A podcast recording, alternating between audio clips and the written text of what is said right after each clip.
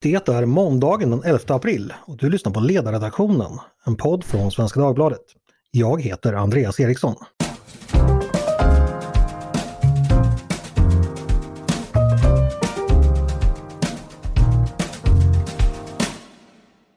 Ska Sverige och resten av Europa sluta importera rysk olja och gas?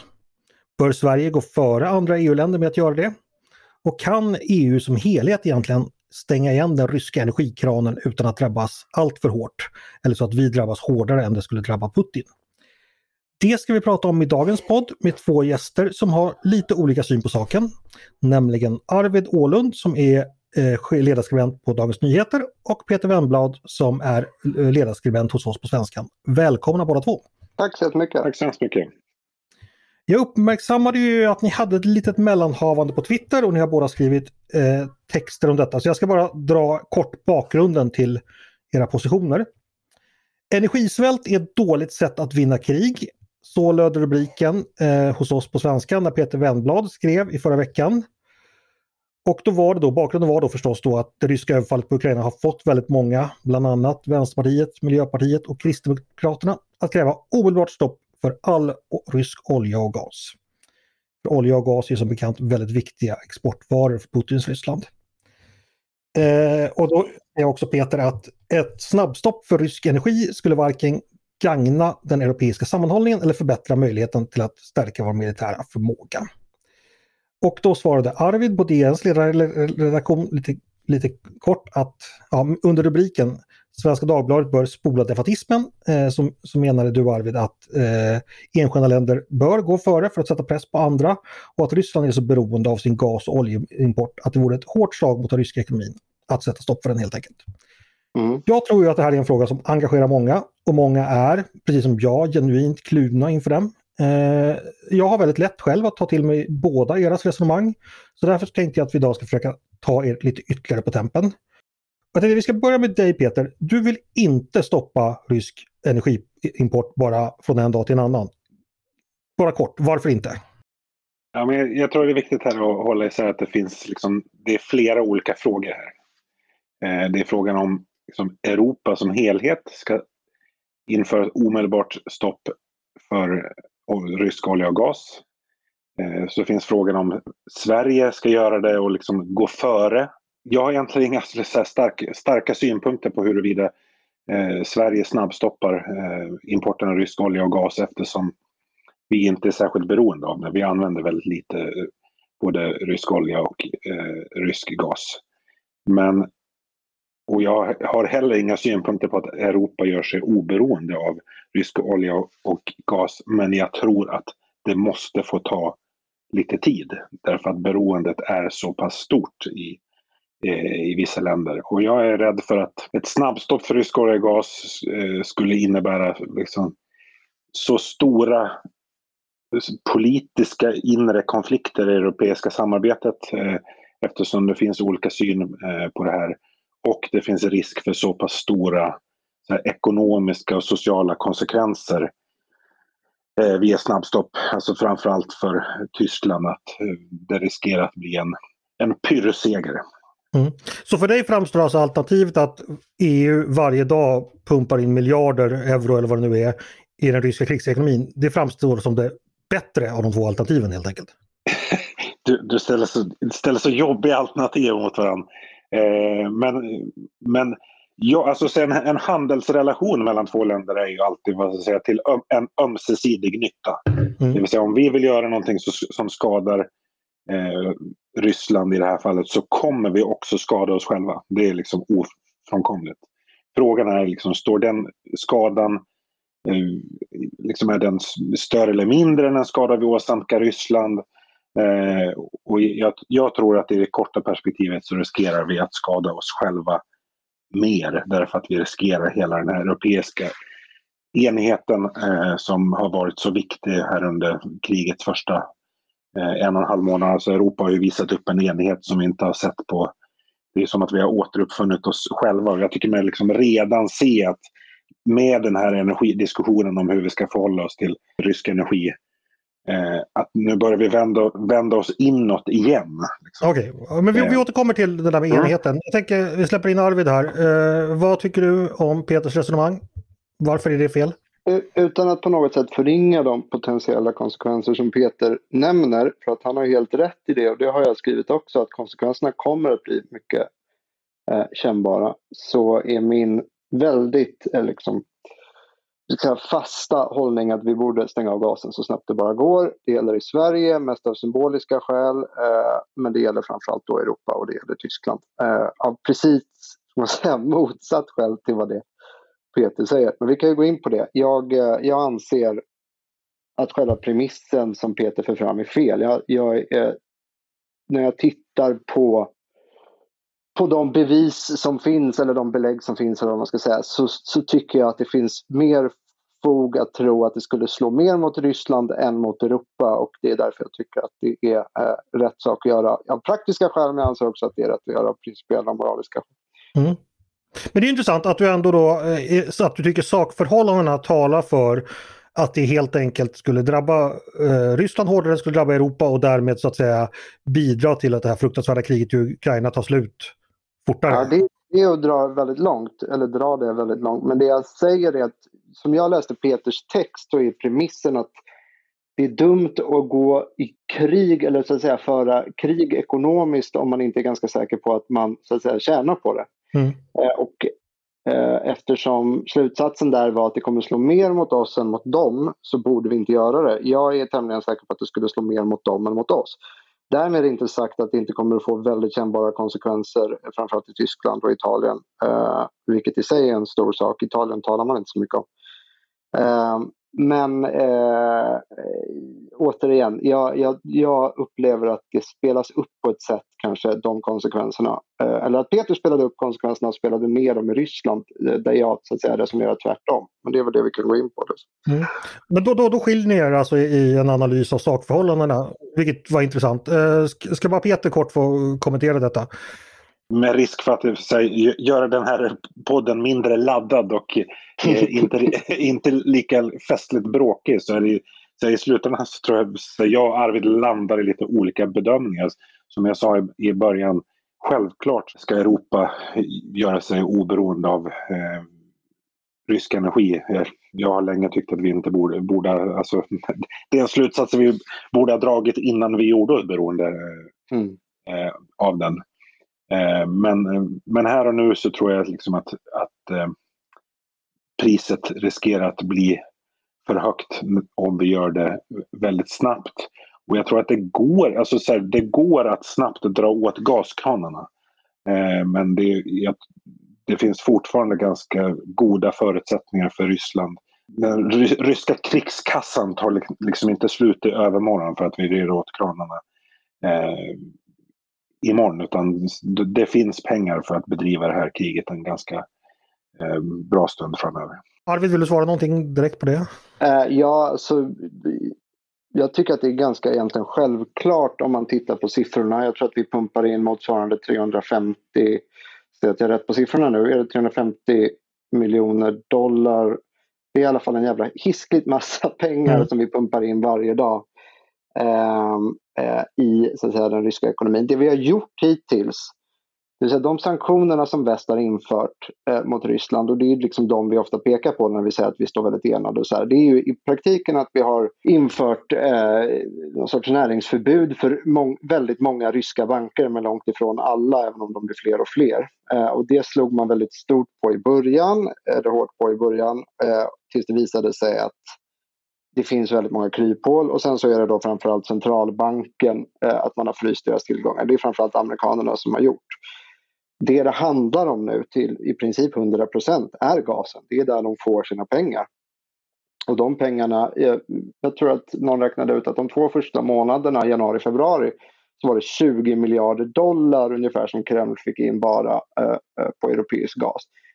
Ofattbara summor som vi så att säga fortfarande pumpar in. Det är klart att det har enormt stort värde för ryssarna. Mm. Eh, och gör det möjligt för dem att bedriva det här kriget på ett sätt som de annars inte hade kunnat. Alltså det här är plattan, bottenplattan för det som återstår av den ryska ekonomin. Eh, utan, menar, hade vi tagit bort det här från dem, då hade det börjat se illa ut på riktigt. Menar, du har redan, tror BNP beräknas sjunka med 15 procent i år eller så. Det är väldigt mycket men det skulle kunna vara betydligt mer. Och jag tycker att vi bör göra allt som går. Mm. Men bra, men då vet vi i alla fall att vi huvudsakligen är oense om vissa faktiska förhållanden. Är det någon av er som liksom vill utveckla ert resonemang till varför ni har landat i bedömningen av sakförhållanden? Att de, varför så att säga, Peter du blir beskylld för att vara defatist här men att du ser lite mer negativt på möjligheten att besegra Ryssland ekonomiskt och Arvid du ser lite mer optimistiskt på det. Så kan man väl sammanfatta det. Är det någon av er som skulle liksom vilja utveckla varför ni har landat där ni har landat? Så här, om man tittar på Europa eh, så är det tyska, jag tror att gasen står för ungefär en jävla massa siffror man ska ha i huvudet nu, men jag tror att den står för 25 procent av den totala, eh, om det är värmen eller någonting, i Europa. Men det är i alla fall 50 procent av, av tyskarnas gas. Om man tittar på de bedömningar som har gjorts, inte av den tyska regeringen, eh, som ju såklart har skäl att, eh, att göra en större sak av det här än vad andra har. Om man tittar på bedömningar som har gjorts, dels av tyska ekonomer, dels av Goldman Sachs, tror jag att det är, ECB, Eh, så så det man, bedömningen man gör är att det rör sig om ungefär en halv procent till 3 procents fall i BNP.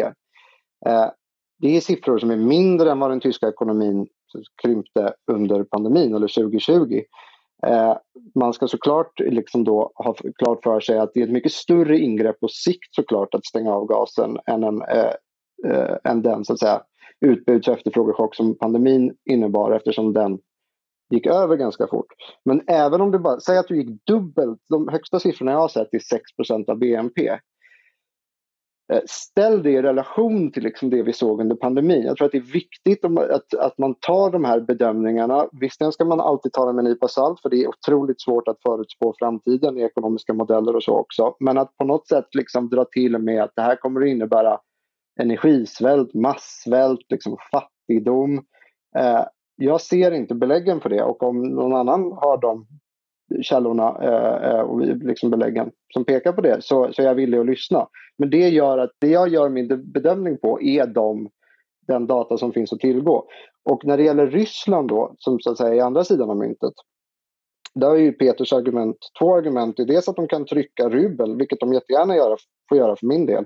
För inflationen är redan 15 procent och jag har väldigt svårt att se att det är en bra lösning på sikt att försöka eh, täcka upp bortfallet i gasintäkter genom att trycka upp egna pengar i den ryska ekonomin som, som ingen har förtroende för. Jag tror att det kommer leda till hyperinflation ganska fort. Eh, och det andra är då att ja, det finns möjligen andra avsättningsmarknader som de skulle kunna styra om mot. Men var då? Jag menar, det, Kina, men där har man, man har ledningar som går till Kina. Man, man, man bygger fortfarande ledningar som inte är klara. Så där. Jag ser helt enkelt inte att man skulle kunna styra om. Eh, och som någon påpekade, om det hade varit så att Putin hade kunnat göra det, då hade han förmodligen stängt av gasen. Eh, eh, för att han har uppenbarligen och såklart väldigt stora skäl att fortsätta exportera den just för att han får in pengar. Så att jag, det, jag försöker göra en så, så att säga, faktabaserad bedömning jag kan och jag ser inte bevisen för det Peter hävdar. Peter, nu fick du en riktig makroekonomisk bredsida här. Hur... Ja, men precis. Och, och ärligt talat, även om jag nu hade en del liksom försök till ekonomiska resonemang i den här texten så i ärlighetens namn så tycker jag att det här är kanske den typ av situation där vad säger, ekonomiska skrivbordskalkyler är, lämpar sig som sämst eh, för, för, för politiken, alltså som grund för eh, Eh, politiska beslut. Alltså om vi liksom ska konkret se vad det här handlar om, om vi tar i Tysklands fall, Eh, om man får ett liksom snabbt och stort bortfall av, eh, av energi. Det är inte bara så att ja, de kan vrida ner värme, att man vrider ner värmen en grad hemma och släcker några lampor så är det här löst. Utan, eh, de kommer drabbas av en liksom akut energibrist. Eh, så enligt den tyska liksom, nödplan som har lagts fram, eh, där man då själv säger, den tyska regeringen, som kan då tilläggas, eh, delvis är miljöpartistisk. Eh, ett snabbstopp skulle innebära att man går upp på den högsta nödnivån. Eh, och då är det alltså då sätter man igång nöddrift av hela det tyska energisystemet och en storskalig energiransonering.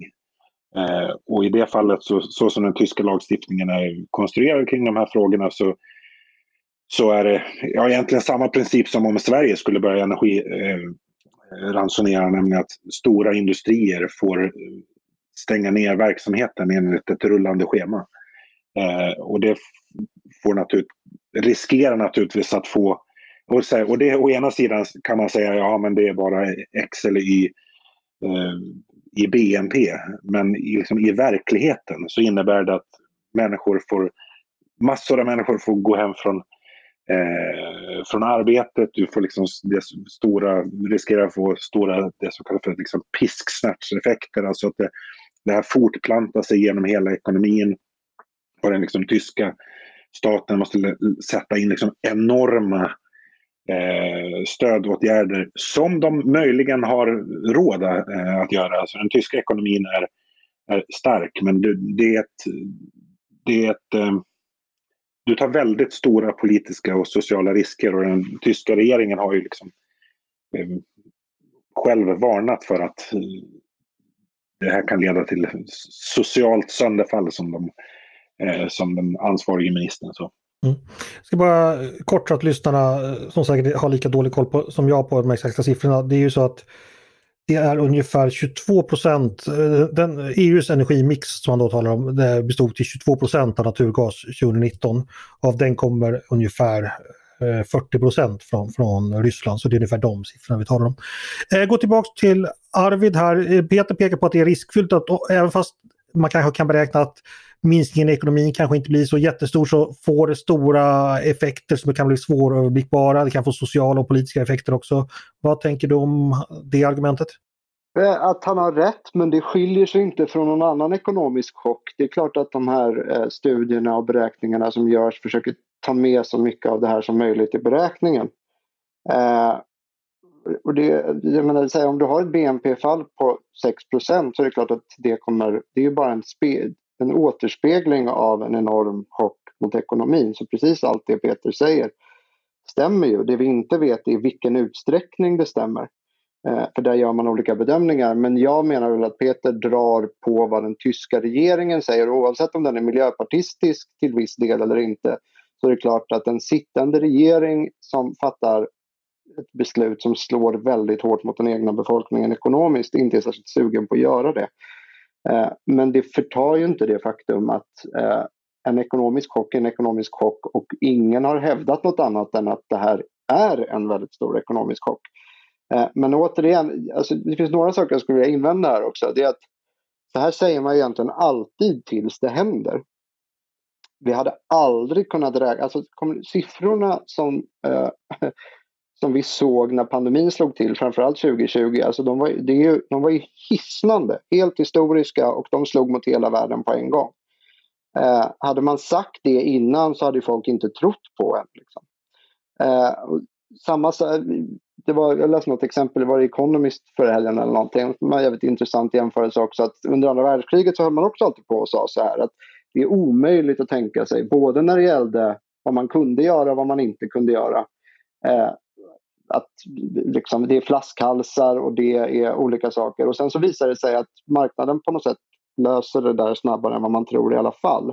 I det fallet tror jag att det var att amerikanerna byggde 3000 eh, stridsplan eh, 39 och trodde att de kunde bygga dubbelt så många eller något och sen när kriget var slut hade de byggt 300 000. Eh, det är bara liksom det här att det kanske går lite mot det Peter säger att nej det är svårt att göra bedömningar men det går ju åt båda håll. Det vill säga, det betyder inte att det eh, nödvändigtvis kommer bli mycket värre än vad man räknar med. Det kan också gå åt andra hållet. Mm. Peter, en fråga. Du, du vidareutvecklade mm. ingenting om den ryska eh, sidan där. Arvid hade tankar om det också. Är det någonting du vill fylla i där att du inte håller med om? Eller? Eh, alltså hur de skulle eh, drabbas eller hur de, hur de skulle hantera ja, alltså Nu var inte det något, någon bärande, bärande del av, av mitt eh, resonemang i artikeln. Eh, men så här, att finansiera krig genom att trycka pengar har ju ryssarna gjort förut. Alltså, eh, Tjetjenienkriget så gjorde man ju delvis, alltså det bedrevs ju i eh, bedrevs ju delvis under en tid när den ryska staten liksom var helt bankrutt. Mm. Och där det var sättet att, att uh, hålla kriget igång rent ekonomiskt. När det gäller gasen då, då finns ju så att säga infrastrukturen eh, på plats. Det pumpas ständigt in gas i den eh, europeiska ekonomin. Alltså, det är ju snarare som en fast venport så att säga där the good stuff kan flöda in i blodomloppet. Det är liksom inga enskilda små nålstick att man ibland tar sig en sil med någon enskild tanker som kommer då och då. Utan det är verkligen hela tiden. Det har ju den tyska ekonomin byggts om för att göra. Efter energivände så var det ju så att man förlitade sig mycket på naturgas. Och det är ju mm. svårt att eh, förändra tänker jag.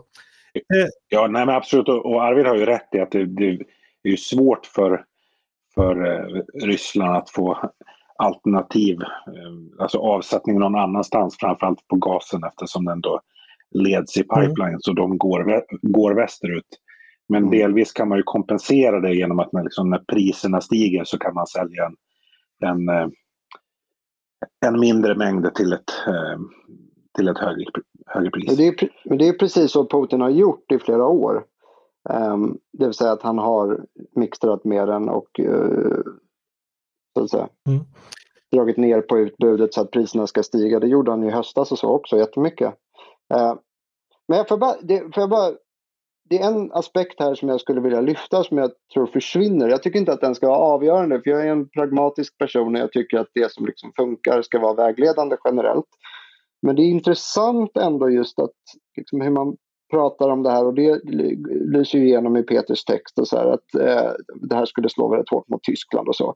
Alltså om man jämför med hur det såg ut under eurokrisen framför allt där man då beslutade på EU-nivå, framförallt Tyskland, att de länder som hade så att säga gjort bort sig eller man anser hade så att säga, levt eh, över sina tillgångar och fattat beslut som var dåliga de var tvungna att betala priset för det eh, av någon sorts moral hazard-skäl. Det vill säga att eh, om, man, om man inte betalar priset för vad man har gjort tidigare så, så gör man om det. Det var ju liksom tanken. Eh, jag, jag, ser egentligen inte hur det här skiljer sig så mycket från det. Alltså, Tyskland har eh, i bred politisk enighet så har man fattat beslut om att avveckla kärnkraften och eh, bygga ut beroendet av rysk gas. Man har gjort det på premissen att det kommer att leda till att ryssarna blir liksom snälla och fredliga. Nu visar det sig att det inte fungerar. Det, det är ju ett, så att säga, det är ett demokratiskt fattat beslut fattat av både kristdemokratiska och socialdemokratiska regeringar. Eh, helt eh, öppet och med någon sorts insikt om vad det kan innebära. Eh, man vet att Putin har kunnat stänga av gasen, så här, ändå har man eh, valt att förlita sig så mycket på det eh, som man har gjort det finns ju någon sorts aspekt av att då man liksom, ska man inte ta ansvar för sina egna handlingar. Och jag lyfter det här som någon sorts sidoaspekt. Jag tycker inte att det är skäl nog att stänga av gasen. Hade jag gjort en helt annan eh, bedömning av hur det ser ut i praktiken så hade jag inte liksom sagt att nu ska tyskarna jävlar mig få eh, liksom, eh, stå till svars. För det drabbar oss alla. Så. Men jag tycker att det är intressant att man lyfter de här argumenten att det kommer så slå så hårt mot ekonomin och så. Det, så resonerade man ju inte när det handlade om Grekland 2011, 2012 sådär. Um... Ja, men, men, här, men här tycker jag att det finns en avgörande skillnad. Alltså under eurokrisen eh, och vad säger, de misskötta EU-ekonomier som var på väg att störta hela unionen i fördärvet. Där fanns det ju en lång historia av att de här länderna hade säga, brutit mot EU-överenskom gemensamma EU-överenskommelser om hur ekonomin skulle skötas. Alltså hur alltså, stora det är ju, det, förlåt mig, men det gjorde ju Tyskland, framförallt fransmännen har gjort det sedan 1977. Innan Macron, de har gått med kroniska budgetunderskott sedan innan Macron var född. Så att det beror rätt mycket på vilket land det är som bryter mot de här reglerna. Det är klart att om Grekland, om Grekland gör det... det här, I det här fallet så är det ju så att absolut det har funnits synpunkter på vad säger, den, den tyska energivände och att man har valt gasen som man säger. Man ska tänka på också så här, att gasen är ju tänkt att vara någon slags övergångslösning. Alltså från tidigare så hade ju, var ju Tysklands viktigaste energikälla kolet. Mm. Och där man då valde gasen istället för att eh, kunna minska sina klimatutsläpp men till priset av, av eh, beroende av av Ryssland. Ja, men eh, det har ju funnits synpunkter på det, men i grunden så är det inte, har det inte varit några våldsamma eh, eh, protester mot, mot det tyska vägvalet. Det har väl framförallt kommit från längre västerut, alltså från USA. Mm. Ja, eh, amerikanerna har varit supertydliga och andra länder har gjort andra val, inklusive vi. Och eh, fransmännen eh, som visserligen är så pass stora att de importerar mycket ändå, men jag menar, de har inte stängt av kärnkraften till exempel. Men där tror jag att vi alla är överens om att det är ett hiskligt eh, strategiskt misstag. Så här. Men jag vill bara, återigen, förlåt Andreas, men jag vill bara säga det här att jag tycker inte att skillnaden är särskilt stor. Det vill säga att man, man har fattat de här besluten, man vet vilka risker man har haft att göra med och man har gjort det ändå. Eh, och jag, det är intressant att det på något sätt försvinner liksom helt. Mm. Ja, men jag, jag, är med på det. det. är, det är en god aspekt som, som du för, för fram där. Och det, det, det, ja, jag förstår helt enkelt vad du menar. Där, att den har kanske då tonats ner på ett sätt som inte är helt... Men jag tänkte att vi ska försöka gå vidare. Eh, nu har vi pratat väldigt mycket om vad, vad man borde göra. Jag tänkte att vi ska höra mm. era åsikter om vad som faktiskt är möjligt att göra. För vi har varit inne lite på det. Det här med att eh, den europeiska sammanhållningen och att Europa på sikt då bör ändå är det överhuvudtaget realistiskt att ens tro att Europa i närtid skulle kunna bestämma sig och säga att nu stänger vi av gasen och ja, framförallt gasen då. Eh, vad tror du Arvid? Eh, eh, Absolut, men det hänger på tyskarna. Mm. Så det, är tyskarna som avgör det. Ja, men hur realistiskt är det att tro att de kommer att fatta det beslutet? För min del började det här med att, jag vet inte om det var ungefär när Peter skrev sin text, men eh, försöka förstå hur den inhemska opinionen ser ut och där finns det ju tecken som tyder på att den är ungefär 50-50 och stiger. Vissa har till och med talat om 70 procent, det vill jag inte riktigt tro på. Eh, men alltså att det finns av naturliga skäl såklart en stark inhemsk opinion för att stänga av gasen av moraliska skäl. Till skillnad från eurokrisen som var någon sorts eh, självpåtagen kris så, så, så är ju det här, om det är någon gång det finns skäl att faktiskt göra det, vilket eh, flera före detta tyska politiker har påpekat så också, är ju att då är det ju nu man ska göra det. Det finns ju ett moraliskt imperativ här också mm. som är uppenbart och eh, folk vill inte bidra till det. Det är ju ganska självklart. Okej, okay, så du tror ändå det skulle vara möjligt. Vad, vad tror du Peter? Ja, jag har väl egentligen samma inställning här som jag har i, i alla sammanhang när jag granskar politiken. Det säger, jag tror på lösningar när jag ser dem och i det här fallet så har jag fortfarande inte eh, sett det. Alltså EU har ju nu en gemensam plan för hur man ska kunna minska beroendet av, av rysk energi med två tredjedelar till årsskiftet eh, 22-23. Och redan den planen, alltså så jag älskar ambitionen. Mm. Men redan den planen innehåller ju ganska mycket eh, fromma förhoppningar om, om hur... Jag har inte sett liksom en, en, en lösning på det här som, eh, som jag tycker ser realistiskt ut. Som, eh, som inte, jag har inte sett någon lösning som inte bygger på att man måste drastiskt minska sin energiförbrukning. Eh, och det är, svårt, det är jättesvårt. Men där är vi ju helt överens. Alltså, jag är fullständigt medveten om att det här kommer att innebära ransoneringar och recession. Dessutom i ett läge när liksom Kina kämpar med omikron och USA har, kommer höja räntan till 3% inom ett år. Det är, det, det är en enorm smäll, men det går och det kommer att gå och jag, jag håller absolut inte för omöjligt att det kommer att ske. Fortsätter Putin göra det han har gjort och vi ser ju tecken på att det är precis det de gör. De bedriver någon sorts folkmord nu.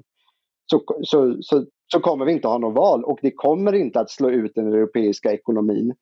Eh, och för, förlåt mig, men så här, eh, Le Pen eh, fick 23 procent igår.